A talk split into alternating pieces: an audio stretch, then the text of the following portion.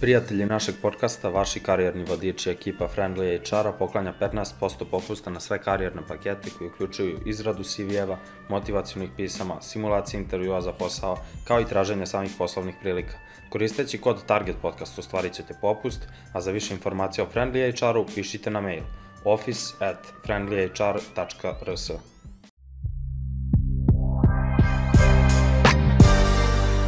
Pozdrav svim gledalcima i slušalcima Target podcasta. Moje ime je Igor Pavlović, a naš današnji gost je Marko Kon. Marko, dobrodošao Ćao. u Target podcast. Ćao. Kaži mi za početak kako si? Uh, pa, okej. Okay. Uopšte nisam loš. Moram da priznam. Kako vi ljudi iz sveta muzike, da kažemo, ovaj, podnosite ovaj korona period i kako ste ga podnosili, pošto je bilo i težih dana nego sad? Da. Pa vidi, ta, tako nam je kako nam je. Ovaj, uh, nervoza je svakim danom sve jača.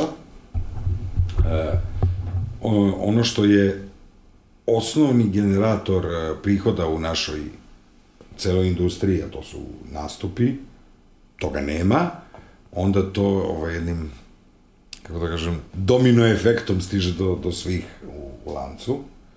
Prosto se dešava, znaš, da ono kao, oni ljudi koji kao to imaju nastupe, oni posle angažuju neki kompozitor, onda ti kompozitori angažuju neki studij, onda ti studiji angažuju neki ljudi koji prave video snimke, onda neki ljudi koji to plasiraju na digitalni market i, i dalje i mislim, cela industrija jeste u problemu, ali Uh, ovo nije najgora stvar koja nam se desila u životu, ovaj, ali nadam se da, da, da možda neće biti mnogo gorih u budućnosti.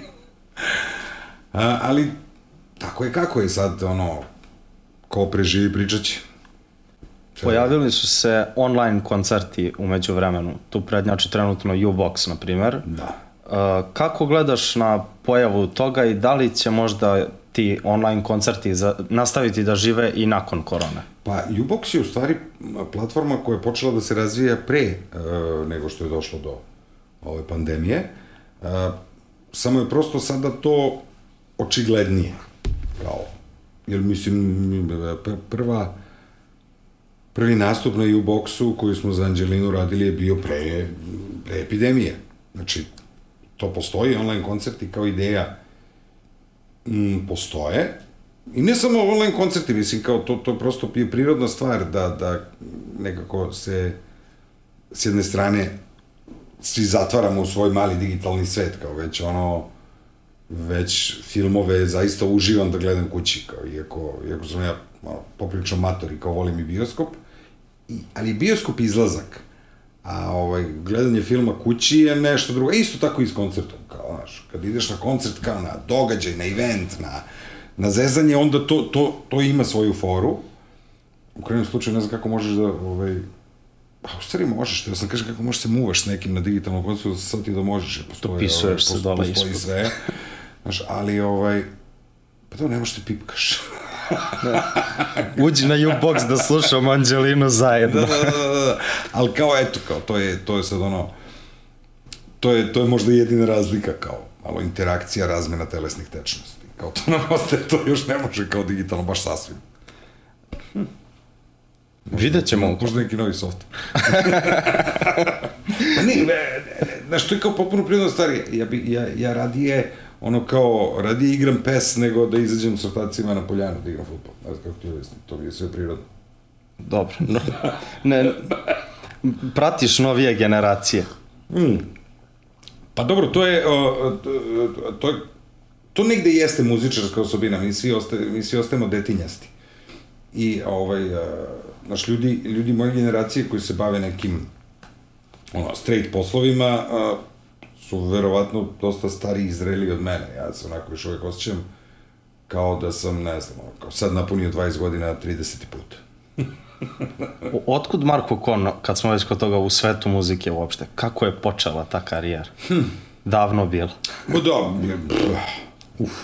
E, pa ja sam nekako uvek e, inklinirao ka, ka nekoj vrsti e, umetnosti.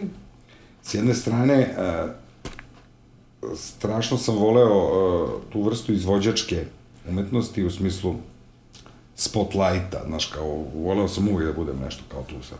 Jedan, jedan od onih koji kao se najviše blesavio na dečijim rođendanima. A s druge strane, e, nikad nisam voleo repetitivnost. I kao mene je to, ovaj, zato nisam nikad gradio svoju neku, da tako kažem, pevačku karijeru, jer kao meni je to da kao izađeš na binu i kao iz večeri u večer pevaš neke iste pesme, mene to prosto odbijalo. Ima ljudi koji tome savršeno uživaju i nalaze fine nijanse i svakog dana bivaju sve bolji, ja se tim ljudima potpuno divim, a prosto ja nisam takav. Mene uvek zanimalo da rešim problem. I takav sam bio i kroz školovanje, i ovo klasično, i kroz muzičko, i sve, ja kada kada rešim ne, neki problem, onda kao idem dalje, tražim novi problem. I onda nekako sam se u muzičkoj produkciji tu našao, i tu stalno imaš nešto kao praviš, rešavaš, učestvuješ u kreativnom procesu i mene to onako potpuno ispunjava. Da li producent, kompozitor, da, da li slušaju muziku na isti način kao i običan svet? I u kom su problemu zapravo što se uživanja u muzici tiče? Verovatno pa da ti sad kad da. čuješ neku stvar kažeš kako je ovo napravio. pa nije, nije, naravno, ja sam, ja, kao to, to je ono što sam uh, izgubio, počeći profesionalno da se bavim muzikom, taj način uh, nevini, nevini deči, meni je to deči, zato što sam poslednji put uh, slušao muziku na taj način kao sasvim mlad, uh, potpuno to čisto uživanje u muzici, jer ja sad ne mogu a da ne analiziram. Znaš, to kao ja učeram neku novu pesmu, odmah slušam šta svira bas, e, koja ritmička fraza je, gde, gde je udario prelaz. Prosto to ne možeš, ne možeš bez toga. A kao, još je fascinantnije kad krenem da slušam neke pesme iz tog perioda koje sam slušao kao klinac, samo kao slušalac i odjednom otkrivam neke potpuno nove stvari, znaš, ne znam. Lupam sada ja u pesmi, u pesmi grupe Clash, ono, Rock the Casbah ima kao, to sam skoro otkrio, kao I was two days years old, kao, kad sam otkrio da ima sample Casio digitalnog sata u nekom trenutku u pesmi, mislim, prvi put sam primetio sada, pesmu sam slušao pre, ono, 30 godina, znaš. Tako da, čak ni te stare pesme ne budu slušane na, na onaj način na koji to slušaju ljudi koji prosto samo vole muziku. Da pitam sad jedno nezahvalno pitanje. Samo a, šta je zahvalnije biti iza scene, peglati sve to, biti producent, kompozitor ili biti na sceni ah, izvođač? Vidi, to je, to je stvar ličnog afiniteta. E, lukrativnije je u smislu da je puno više para kada si izvođač. Jer je prosto to prirodna stvar.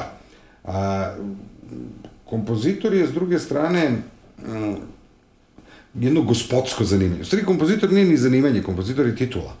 Znaš, svako može da napiše pesmu, ali može svako da bude kompozitor. To je, kao da bi bio kompozitor, moraš da nešto, svašta nešto postigneš u životu. A, to je jedno gospodsko zanimanje, jedno zanimanje koje je a, oslobođeno gomile stresa koje nosi izvođački, izvođač, izvo, izvođački način predstavljanja umetnosti, ali s druge strane ima i zbog toga i manje benefita. To su, to su, znaš, to je, kažem ti, stvar, stvar afiniteta, ko šta više voli. Kako je došlo do saradnje sa Ognjanom Amičićem? Uf, Ognjan i ja smo se upoznali sad već ima 20 godina, možda i, možda i malo više. Uh, upoznao nas je uh, Vlada Grajić, on je inače komponovao molitvu. Uh, Vlada je u to vreme bio muzički urednik na RTS-u, a Ognjen je radio emisiju na RTS-u. Mislim da se zvala Garaža. Jasno. E, I, o, ovaj, I mi smo se tako nekako Ognjen i, i, i Graja su sarađivali na televiziji, a Graja i ja smo sarađivali ovaj, ovamo, us, pardon, udarih mikrofon, čekaj da ga snijem. To će sada da bude...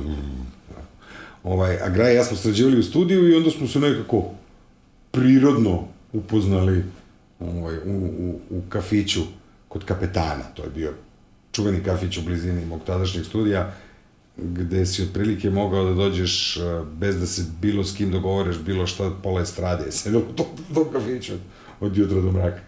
Kaži mi kako gledaš na taj period Flamingosa kad smo se već dotakli ognjena? Uf, pa mislim, meni su Flamingosi jedan od omiljenih, ono, omiljenih projekata u životu, tako kažem, jer su nastali potpuno spontano uh, i Ognjen i pokojni Marinko su imali uh, svoje svoje ozbiljne zanimanja kojima su se ozbiljno bavili, a muzikom su se bavili iz ljubavi i hobija.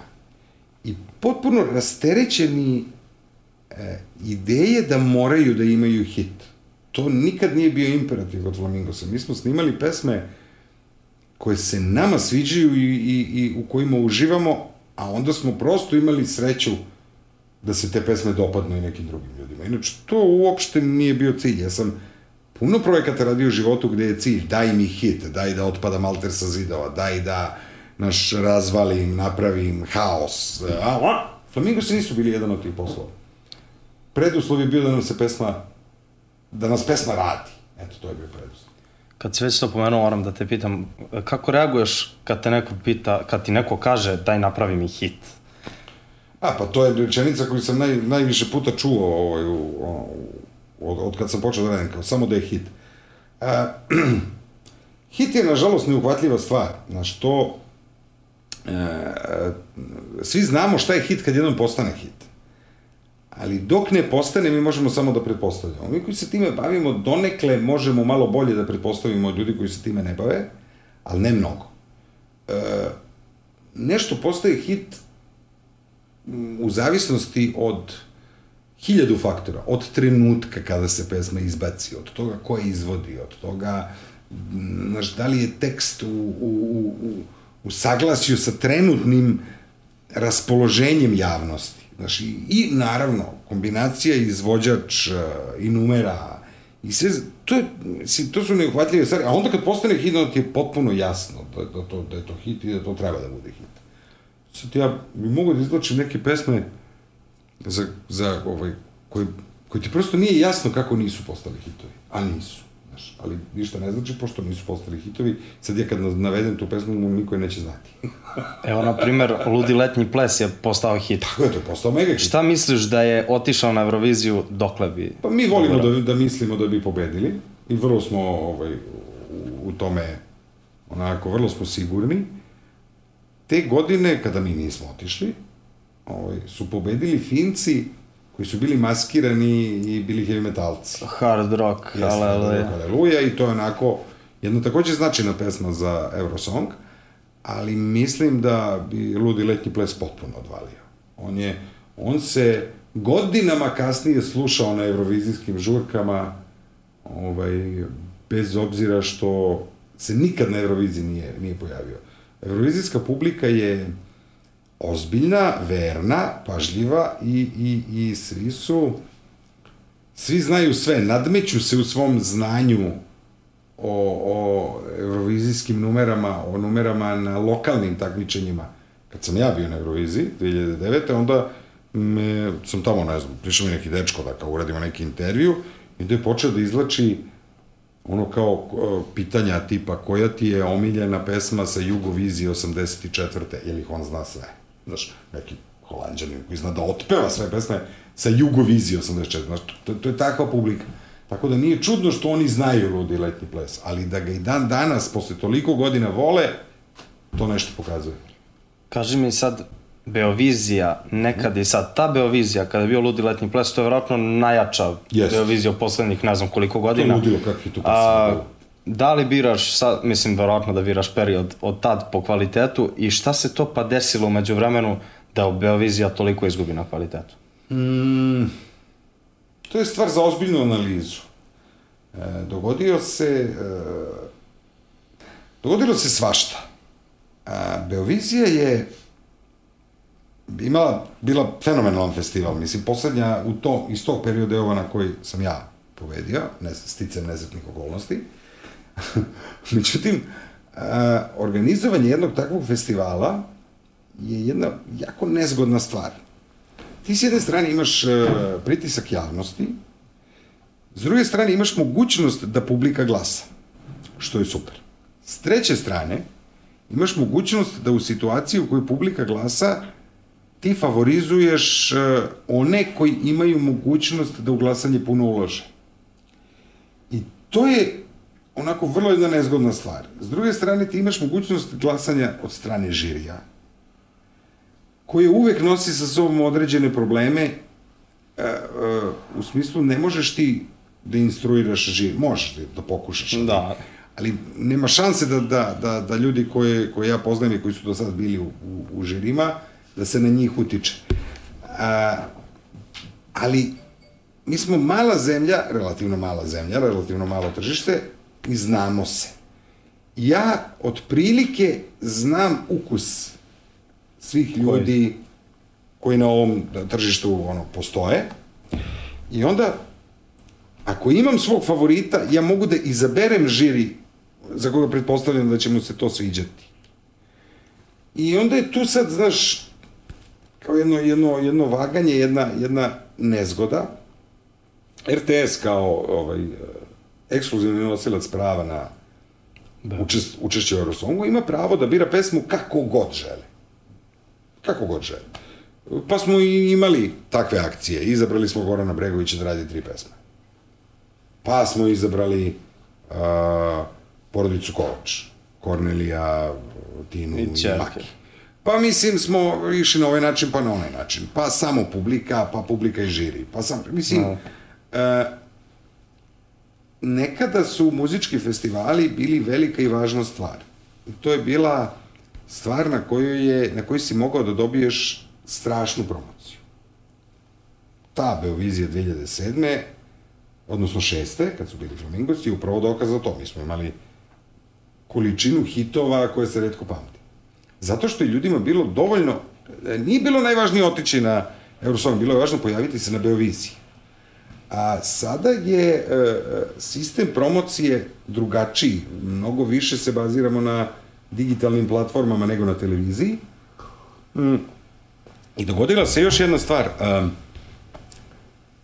To, to mislim da je, mislim da je to donekle odgovornost RTS-a. Um, to što to što se dogodi na Beoviziji, oni kad se završi Beovizija, završilo se. A kada bi postojao način da se beovizijske pesme na neki način promovišu i forsiraju i posle Beovizije, onda bi se možda vratili na to da je ljudima važno da se pojave na jednom takvom festivalu znajući da će im pesme živeti i posle toga. Eto, ako je neko iz RTS-a ogleda, eto, možda malo za razmišljanje. Po, poruka je jasna. E, kad smo pomenuli hitove, o, još jedan tvoj Medo mm -hmm. Brundo. Možeš li da. nam ispričati pozadinu kako je nastala ta pesma? Jer to je pesma koja bi verovatno imala najviše pregleda na YouTube-u od naših domaćih pesama da nije skinuta sa YouTube-a u onom trenutku. Pa nije ona skinuta. A, pa ponovo je postavljena. Da, da, da. Da, ali ona je tad imala dosta pregleda. 85 miliona kad je skinuta. Kad je, e, upravo da, to. I onda su MC Janko i Milica sa ti moje zlato da, prešli. Ali sad opet ima nešto. Ima mnogo, ali imalo bi Bilo, više. Kad bi imalo bi više. E, pa to, to je taj klip sa 85, odnosno nije to jedan, to su bila dva, jedan od 45 i jedan od 40, koliko se sećam. Su morali da budu skinuti, jer to su, ovaj, to su klipovi koji su sasvim slučajno došli do, tog, do tih miliona, to, to su bili klipovi nekih fanova, to čak nije bio ni zvaničan kanal. I nije bilo monetizovano, i nije bilo zaštićeno, nije bilo ništa. Mislim, osim ponosa kao imamo gomiletinu pregleda, ništa od toga nije bilo. A me dobro onda, to, ja se sećam kad je Ognjen uletao u studiju, ono, potpuno uletao, cepa se od smeha i kaže, moram da ti pustim ovaj, moja sestra je našla ovo, njegova sestra, u njenoj firmi je ovo hit i pusti nam tu originalnu češku verziju i mi umremo od smeha i kažemo, pa ovo je genijalno i Kobac je seo i uradio taj aranžman, ja mislim, za 40 minuta. To, to sve išlo užasno brzo. No, onda, kao pisanje teksta, sveća se došao je Marinko i kao, ja mislim da isto za pola sata bio gotov tekst. Sve nekako izlazilo samo od sebe. Pritom on neverovatno talentovan čovek. Ma da, čega god da se mi smo to kao, Marinko i Ognjen su zajedno pisali tekst, ušli i otpevali, ja otpeo tercu, mislim, tako se tako čuk, čuk, čuk. Dok smo, dok sam ja miksao pesmu, vidi, to sve traje još 40 minuta, sve zajedno, znači ne, ne, nismo potrošili ništa vremena, sat i po kao. Za to vreme Ognjen već organizovao snimanje spota i mi kao idemo da snimimo spot koji smo snimili dva sata kasnije za pola sata. To se praktično sve dešava u istom danu. Sve se dešava u istom danu i sa idejom da je to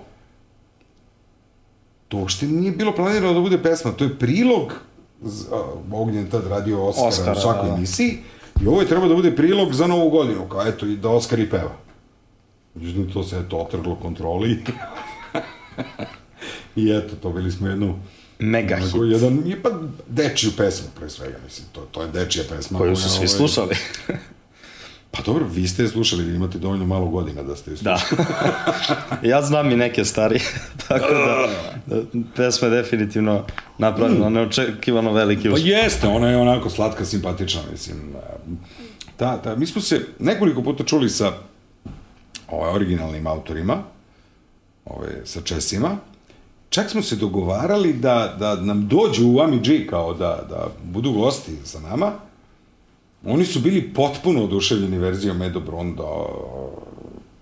Oni su je obožavali, pošto je ona njima u stvari digla njima je digla preglede na YouTube-u recimo 10 puta.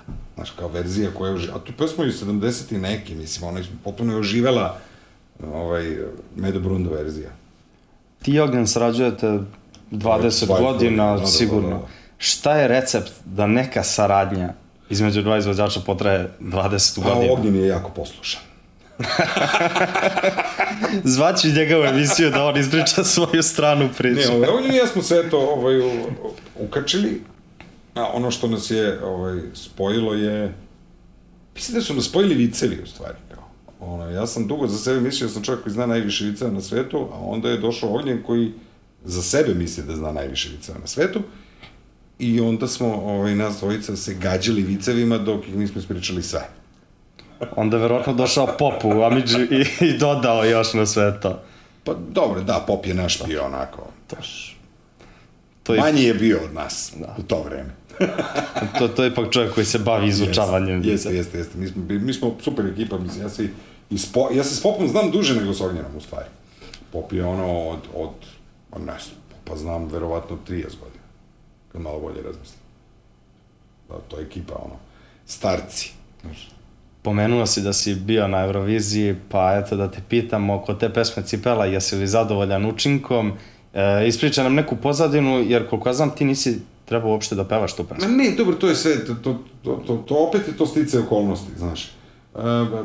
Milan, uh, ovo je Milan Nikolić, onaj, onaj, onaj fantastični dečko s harmonikom, vjerojatno jedan od najboljih harmonikaža s kojima sam ikad imao prilike da radim.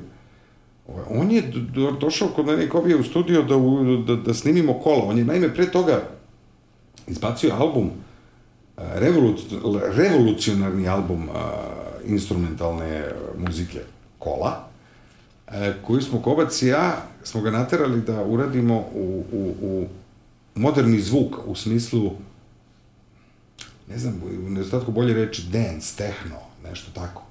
Mi smo kao, bukvalno njemu na, napravili kao uh, matrice na kojim svirao su bile najmodernije matrice iz tog perioda. To su matrice koje, znaš, ono, kao kolonija, na primjer. Znaš, njega su čak izvali Milan Kolonija jedno vreme. I on je taj instrumentalni album prodao u nekom ozbiljnom tiražu koji bi e, za čak bio, bio tiraž s kojim se mogu hvaliti i, i ozbiljni izvođači. I onda je posle toga on došao sa idejom, ajde sad radimo novi album i doneo to jedno fantastično kolo od koga je nastala cipela. Jer kao, ja znam da sam u jednom trenutku slušajući to samo rekao, ovo je šteta da se ne peva. Jer kao, pesme koje se pevaju prosto i dolaze do šireg auditorija.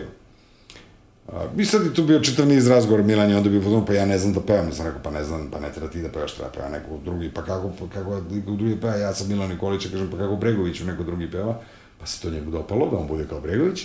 I onda, onda sam ja otpeo neki demo snimak, na na na na, nešto, what did the by, zigidi by, kao, čisto kao da napravimo ideju u pesmi, onda je to probao jedan pevač, pa je drugi pevač, pa je treći pevač,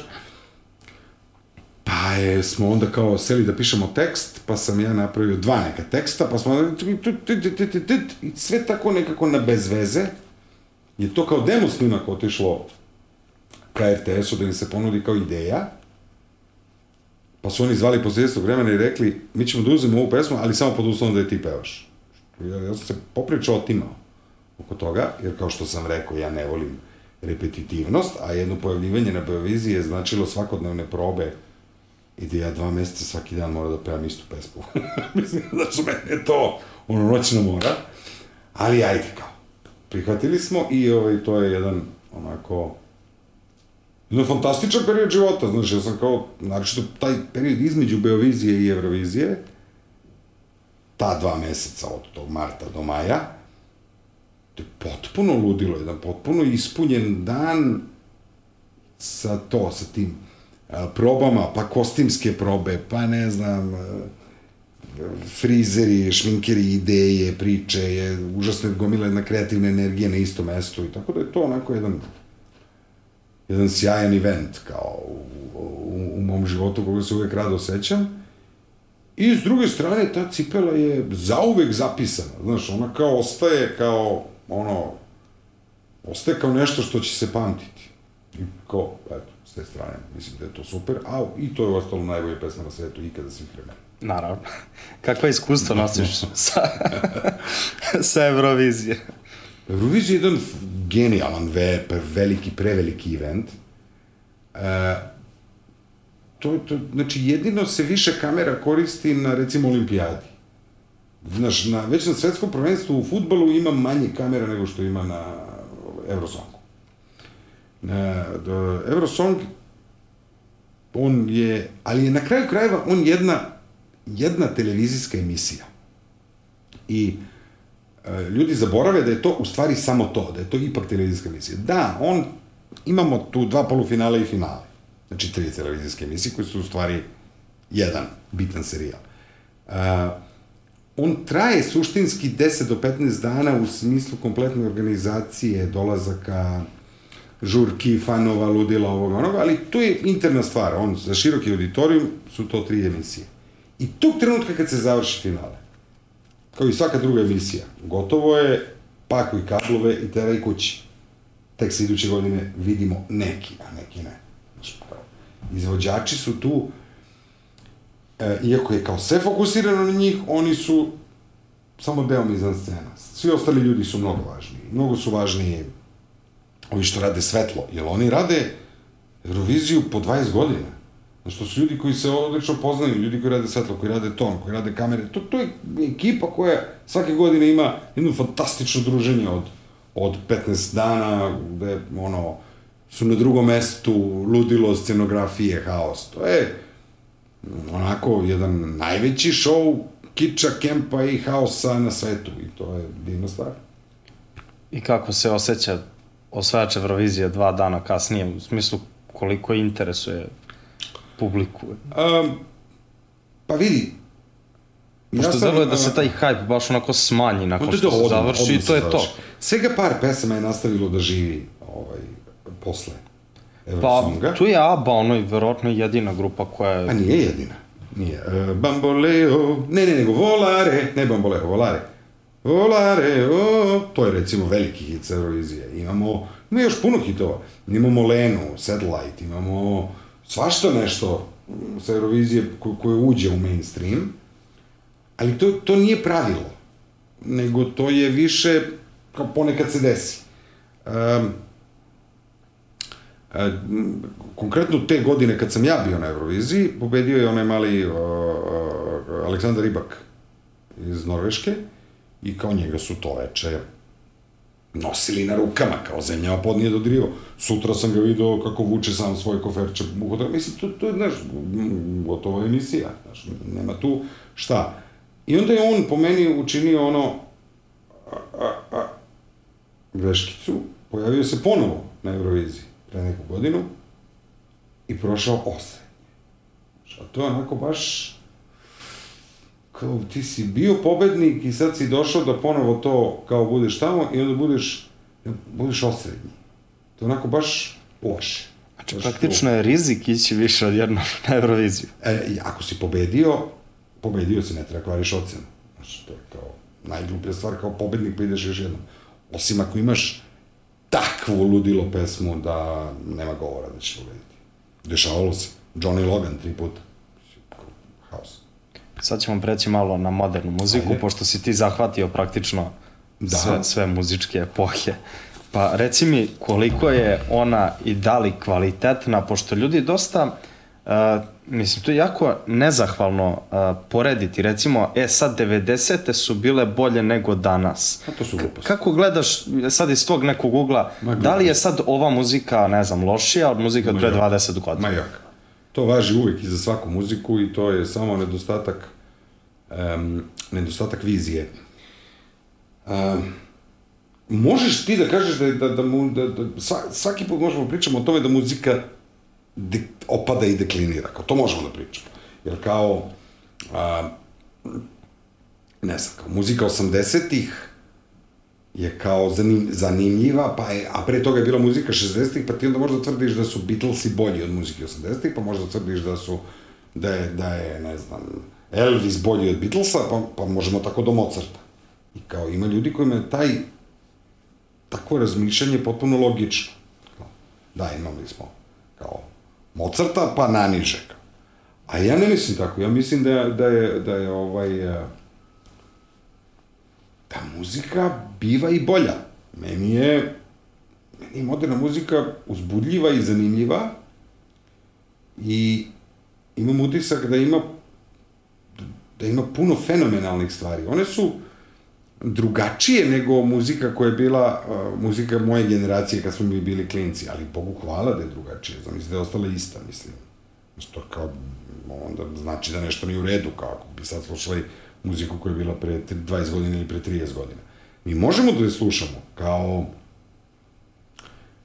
kao foru, kao revival, kao retro, kao kao muzički nostalgičan period. Ja i dalje mnogo volim da čujem Beatles i Stones. Ali nisam siguran da bi bio naročito raspamećen nekim klincima koji bi danas pokušavali da sviraju muziku Beatlesa na isti taj način. Da, na neki promenjen način, da, na neki upgrade, ili kao neki fantastičan tribut. To je uvek zanimljivo. Ali ja mislim da svaka nova muzika mene uzbuđuje. Jedva čekam da vidim šta će biti sledeće.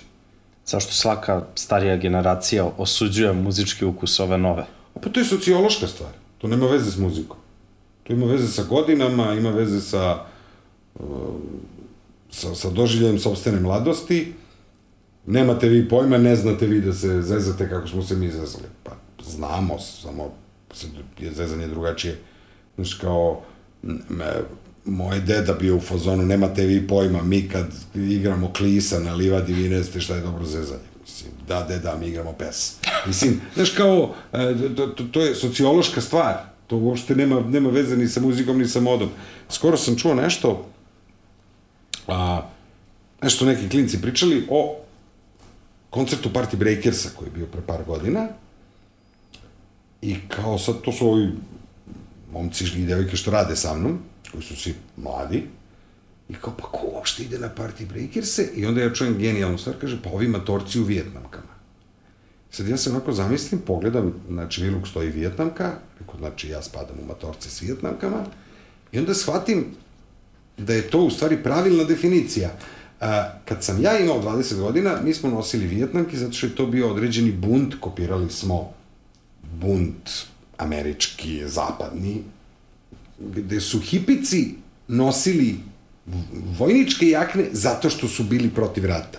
Mi smo nekako pokupili to i kao Vijetnamka je bila modni statement, znaš, da si ti nešto. I sad ja, kao, sam to radio s 20 godina i sa 50 godina nosim tu Vijetnamku iz istog ubeđenja da je to bunt. Samo što ona to više nije, nego je postala nešto nostalgično. Kad sam imao tih 20 godina, matorci od 50 su šetali u kaputima od tvida. Nama je to bila matoranska garderoba. Mislili smo da ćemo mi to nositi sa 50, a ne, oni su te kapute od tvida nosili i sa 20. I vi ćete kad budete imali 50 godina se oblačiti isto ovako, misleći da je to i dalje moderno. Bićete smešni klincima, to je prosto normalno. Znači, sve, sve je to normalno. Pa to je, čitav to taj je normalno, to čitav proces. znaš. događaja. E, e, matorci i izgledaju glupo kada pokušavaju da se oblače kao klinci. Pa, iz- mislim, znaš, kao...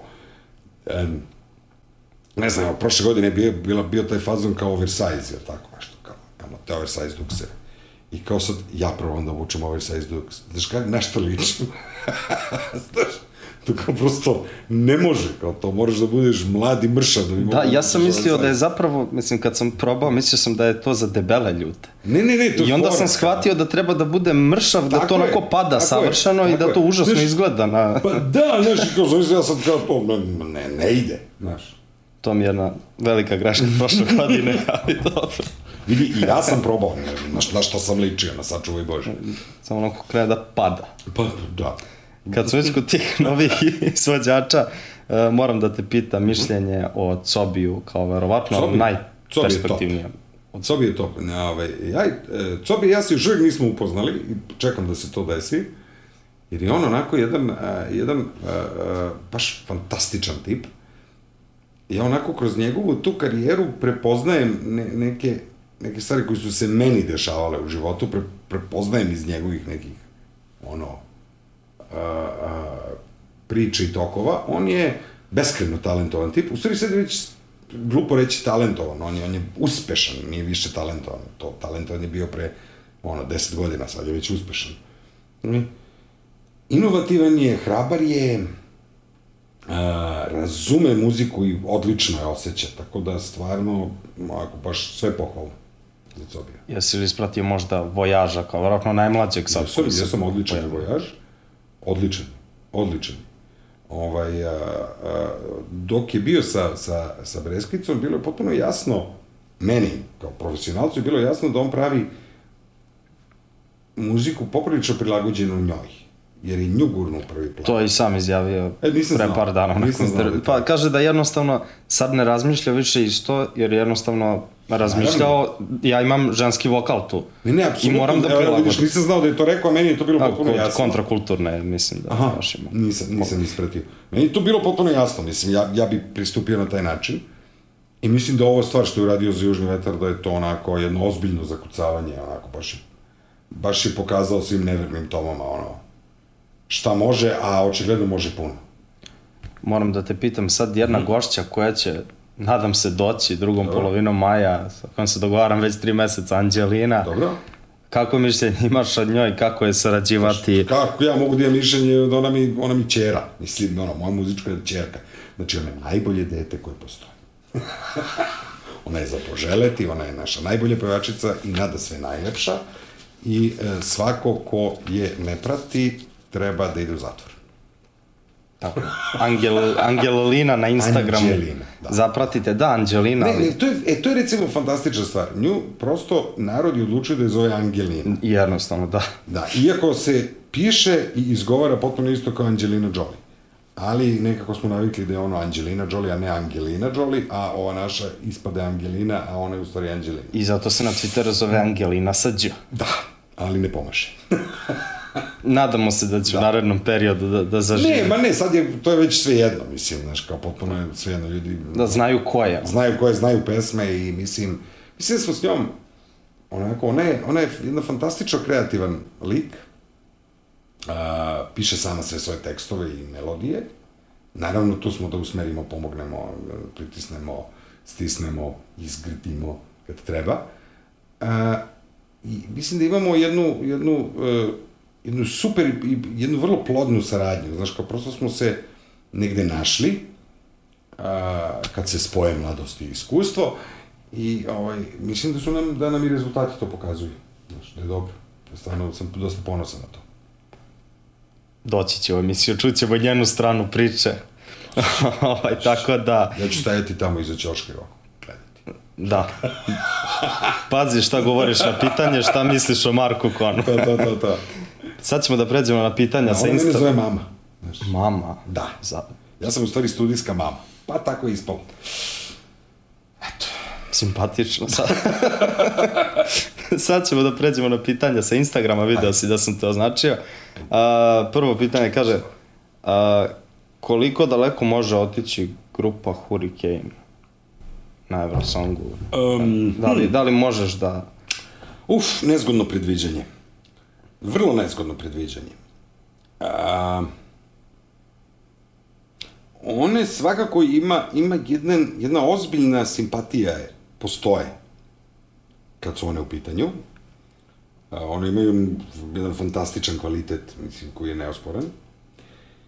A predviđanja su, još uvijek, još uvijek ne mogu da dajem pravilne predviđanja, se toliko promenio sistem glasanja da mi ništa nije jasno. Znaš, e, u vreme dok je publika davala najveći broj glasova, mi smo imali puno veće šanse jer imamo veliku dijasporu, jer naš, naši ljudi iz Nemačke mogu da glasaju za nas, a mi, mi Srbije naravno ne možemo glasati za Srbiju, ali oni mogu i to je kao m, uvijek doprinosilo tome.